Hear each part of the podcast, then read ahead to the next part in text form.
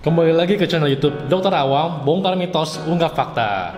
Nah, kali ini kita akan membahas topik yang sedang naik daun dan kayaknya beberapa bulan ke depan ini akan terus hot ya, yaitu mengenai vaksin. Nah, vaksin yang akan kita bahas terutama ini Sinovac karena sudah lulus emergency use authorization dengan efikasinya itu 65%. Artinya apa sih? Apa itu rendah? Tinggi bagus nggak? Kira-kira dalam menangkal covid ampuh nggak? Nah langsung aja kali ini kita kedatangan tamu yang sudah cukup eksis di dunia Instagram khususnya ya yaitu Dr. Adam Prabata. Nah kita coba panggil dulu beliau ya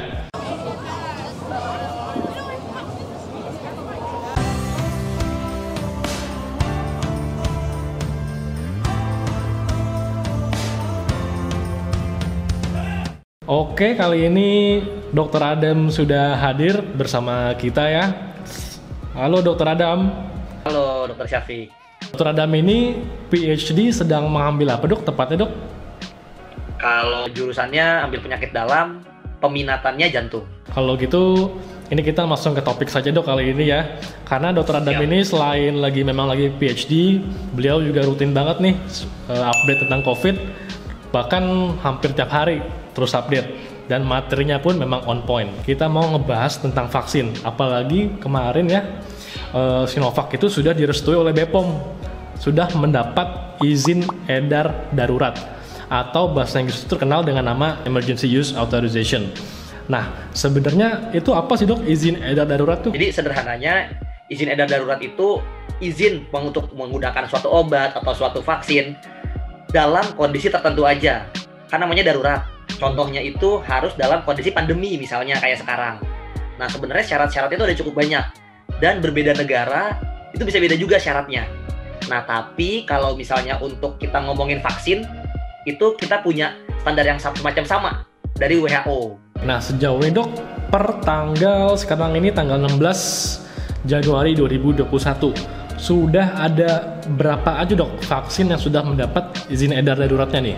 Sejauh ini banyak ya sebenarnya. Jadi yang pertama Sinovac deh paling dekat di Indonesia sudah dapat. Itu di Cina juga sudah digunakan. Tapi untuk di Cina saya nggak tahu pasti apakah itu emergency use atau limited use. Nah kemudian Pfizer itu Pfizer di Eropa dan di Amerika Serikat itu juga sudah dua. Yang ketiga Moderna itu di Amerika Serikat udah, di Eropa juga udah. Yang keempat ada AstraZeneca itu di Inggris, di UK sudah, di India juga sudah. Kemudian ada Gamaleya. Gamaleya itu punyanya Rusia, Sputnik. Itu di Rusia sudah, di Belarusia sudah.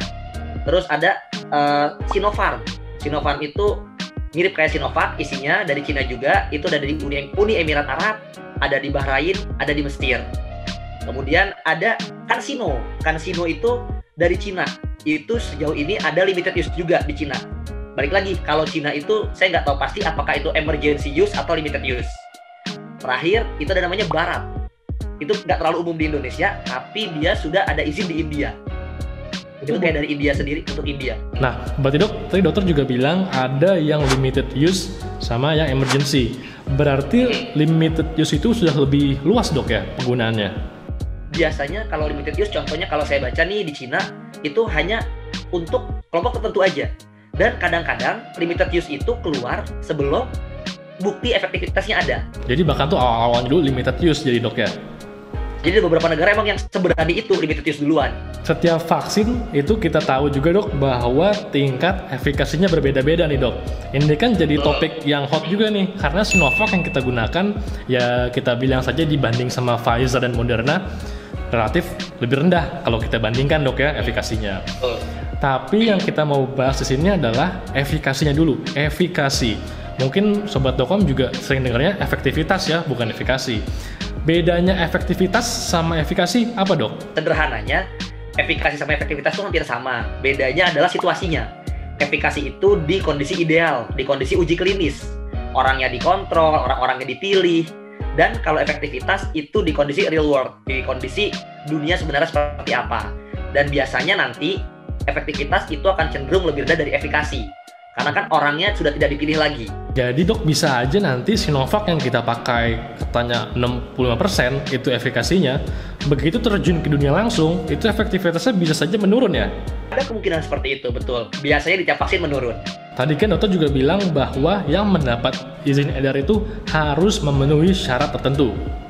Nah, Betul. Sinovac ini kan kita juga tahu bahwa sudah memenuhi syaratnya juga. Nah, sebenarnya syaratnya itu apa aja dok untuk bisa lolos? Uh, yang pertama banget, ini kalau dari WHO adalah efikasinya itu minimal 50%. Efikasi bukan efektivitas dok ya? Bukan, efikasi. Kemudian yang kedua, itu sudah ada data keamanan. Terutama efek samping dari vaksin tersebut yang diikuti selama tiga bulan. Jadi kita tahu aman nggak nih dalam tiga bulan ke depan setelah disuntik. Dua itu sih poin utamanya. Oke dok, tadi dokter Adam bilang 65%. Nah, sebenarnya maksud dari efikasi 65% tuh apa sih cara bacanya bagaimana dok? Artinya efikasi 65% adalah orang yang sudah diberikan vaksin COVID itu memiliki resiko yang lebih rendah 65% dibandingkan dengan orang yang tidak divaksin. Nah, resikonya itu adalah resiko COVID-19 yang bergejala. Itu yang pertama. Tapi sebenarnya ada beberapa lagi, seperti yang kedua. Yang kedua tuh buat menyederhanakan bisa dibahas kayak gini. Kalau ada 100 orang yang divaksin dan ada 100 orang yang enggak, seandainya si 100 orang yang enggak ini semuanya kena COVID. Nah, yang divaksin ini kemungkinan dia kena COVID yang bergejala itu cuma 35 orang. Jauh lebih sedikit dok ya dengan vaksin tadi. Oke, nah jadi gitu cara bacanya. Saya sendiri juga agak lupa nih dok, untuk mengenai efikasi Pfizer itu berapa dok ya? Kalau saya 95 apa 95 dok ya? 95 dok ya? 95. Nah, Ah, sekarang kita bandingin aja dok. Kan orang nih banyak yang bilang bahwa Sinovac ini, waduh, kayaknya nggak sebagus Pfizer nih, katanya. Tapi kita vaksin lagi nih ke dokter Adam. Nah, Pfizer dengan efikasi 95% dan Sinovac yang 65%, apakah bisa kita katakan Pfizer itu lebih unggul daripada Sinovac dok?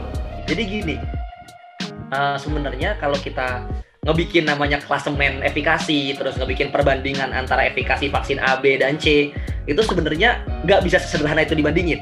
Kenapa? Karena yang paling pertama banget adalah udah jelas pasti tempat dilakuin penelitian uji klinisnya itu beda.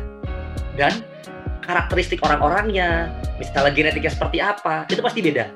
Dan bahkan ada satu studi, ini udah dari tahun 80-an, ini dia ngomong, vaksin yang sama, diuji klinis protokol yang sama, tapi dilakukan di waktu yang berbeda dan di negara yang berbeda, itu bisa berbeda, bahkan bisa jauh berbeda.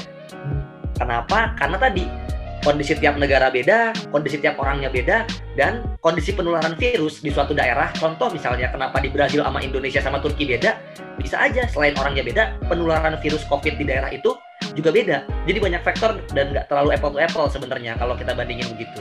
Berarti bisa saya bisa juga saya bilang bahwa apabila Pfizer diuji di Indonesia bisa jadi juga lebih rendah dok ya? Bisa jadi kita nggak tahu pasti bisa lebih tinggi lebih rendah atau sama nggak tahu pasti. Oke, nah bahkan sih saya rasa tuh udah cukup jelas sih sampai sini. Jadi buat orang-orang tuh yang masih ragu kenapa bisa lebih tinggi, apakah vaksinnya lebih rendah, sudah terjawab sama Dr. Adam bahwa itu sangat tergantung dengan kita bilang lingkungan uji klinisnya. Nah, Sinovac, lagi-lagi ke Sinovac dok, karena memang kita yang sudah jalan tuh Sinovac. Walaupun memang efikasinya 65% di atas 50%, bagaimana dengan efek sampingnya yang merupakan syarat kedua? Kalau sejauh ini uh, Sinovac itu efek sampingnya yang paling sering ditemuin itu kita bisa bagi dua. Ada lokal, ada sistemik. Lokal itu yang di area tempat kita disuntik. Itu bisa nyeri, bisa bengkak, bisa merah, dan biasanya dalam 1 sampai 3 hari udah hilang. Yang kedua tadi sistemik, artinya bisa terjadi di semua badan kita. Itu bisa demam, rasa lelah atau pegel-pegel. Sama, dalam 1 sampai 3 hari itu hilang. Nah, sejauh ini yang paling berat dari Sinovac itu adalah alergi. Jadi kayak bener-bener merah semua badan, tapi ketika dikasih obat suntik dan dirawat dalam 2-3 hari itu hilang. Dan sejauh ini nggak ada yang bener-bener alerginya berat. Jadi ada kondisi alergi, namanya anafilaksis, itu gampangnya alergi yang bisa mengancam nyawa. Sejauh ini nggak ada di uji klinis Sinovac yang bisa sampai mengancam nyawa. Jadi kalau secara keamanan sebenarnya relatif aman. Tapi kalau ditanya dibandingin dengan vaksin-vaksin lain, balik lagi sebenarnya bisa aja gara-gara genetiknya beda nanti efek sampingnya muncul juga beda. kembali lagi sih. Jadi prinsipnya selama itu terhitung aman dan selama benefitnya lebih tinggi, manfaatnya lebih tinggi dibanding resikonya, itu sudah dihitung aman. Sebenarnya kayak gitu sih dok gampangnya. Pokoknya singkatnya dok, ini aman untuk digunakan lah gitu ya.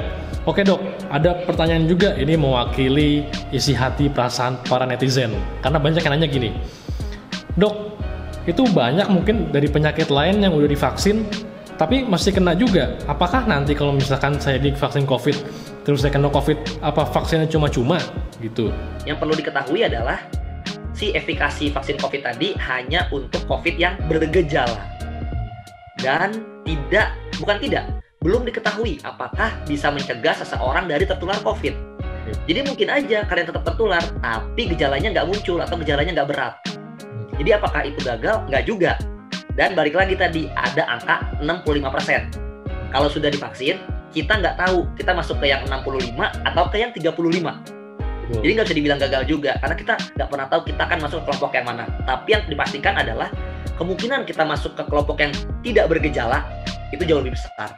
Kita bilang ibarat probabilitas saja dok ya. Mungkin yang sekarang pacaran nggak selamanya akan nikah nantinya.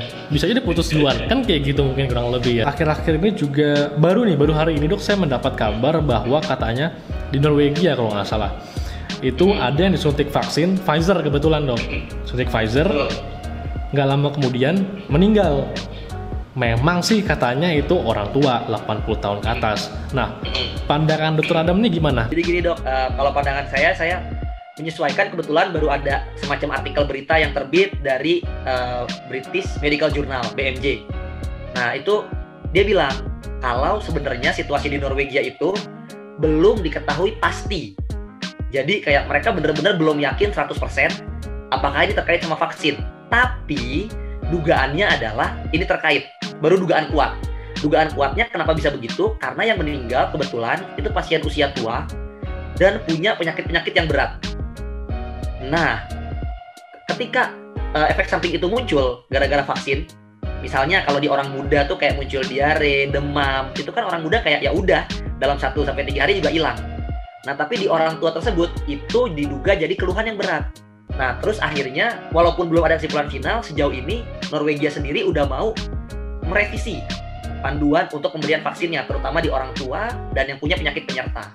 Walaupun memang sebenarnya kalau dokter dokter Adam bilang tadi efek samping vaksin ya kurang lebih sama dengan vaksin secara umum dok ya lokal, sistemik, mirip-mirip, kurang lebih kayak gitu juga. Tadi dokter Adam sudah cukup jelas mengenai dari izin daruratnya, efikasinya, efektivitas, dari Sinovac itu bagaimana. Nah, sekarang gimana nih pesan dokter Adam buat kawan-kawan yang kira-kira masih belum percaya nih, saya masih butuh pendapat lagi dari dokter. Kira-kira dokter Adam ada ini nggak dok eh, pesan-pesannya untuk kali untuk pemirsa sekalian?